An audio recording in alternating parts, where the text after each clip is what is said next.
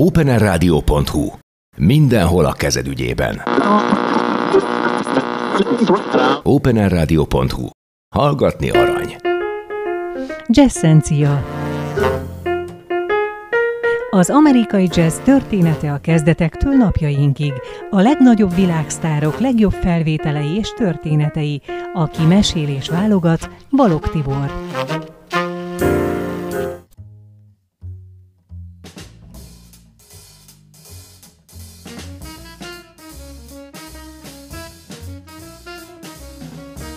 Szervusztok, köszöntök mindenkit, itt vagyunk az Open Air Rádióban, a Krémben még mindig, és egy jazzenciával szolgálok, egy remek albumot szeretnék bemutatni, a világ egyik legjobb lemeze és a világ egyik legjobb kvartettje nemes egyszerűséggel.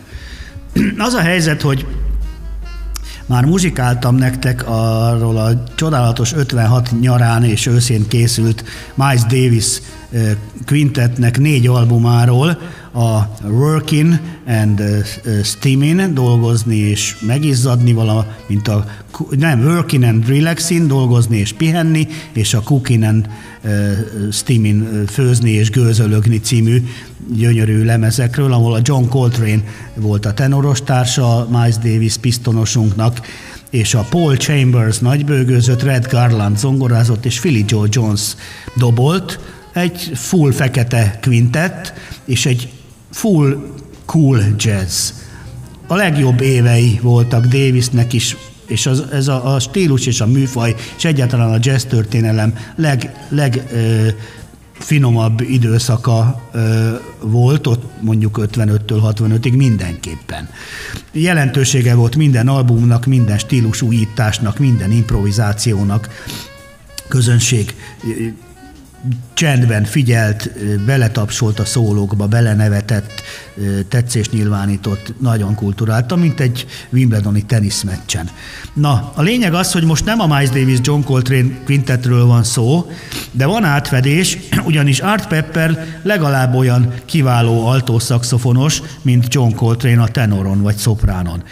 És 57-et írunk, amikor is ezt a ritmus szekciót, ezt a Paul Chambers, Red Garland, Philly Joe Jones-os zongora triót, az Art Pepper, mivel összehaverkodtak, szépen felkérte, hogy egy parádés ö, örökzöldeket tartalmazó, görsvineket, meg más gyönyörű dalokat tartalmazó albumára együtt vegyenek fel, vagyis együtt készítsék el. Ezért aztán a lemez azt a nevet is kapta, hogy Art Pepper meets the Rhythm Section, vagyis Art Pepper találkozik a csupa nagybetűvel azzal a bizonyos ritmus szekcióval, ami egy arany trió volt annak idején, nagyon-nagyon sokfelé vitték is őket, egyben is, külön is, mert egy, egy zseniális olyan jó volt, legalább, mint az Oscar Peterson trió, aki szintén nem csak saját jogán muzsikált Petersonnal, hanem hát Ben Webster-től kezdve az Ella és Louis Armstrong és Ella Fitzgerald is az 50-es évek második felével csodálatos albumokat vett fel az Oscar Peterson trióval, illetve kvartettel. No, ez jön most, el is hallgatok, hogy Pepe minél több dalt be tudjon tenni belőle. Itt a Jazzenciában, tehát 1957-ből Art Pepper meets the rhythm section.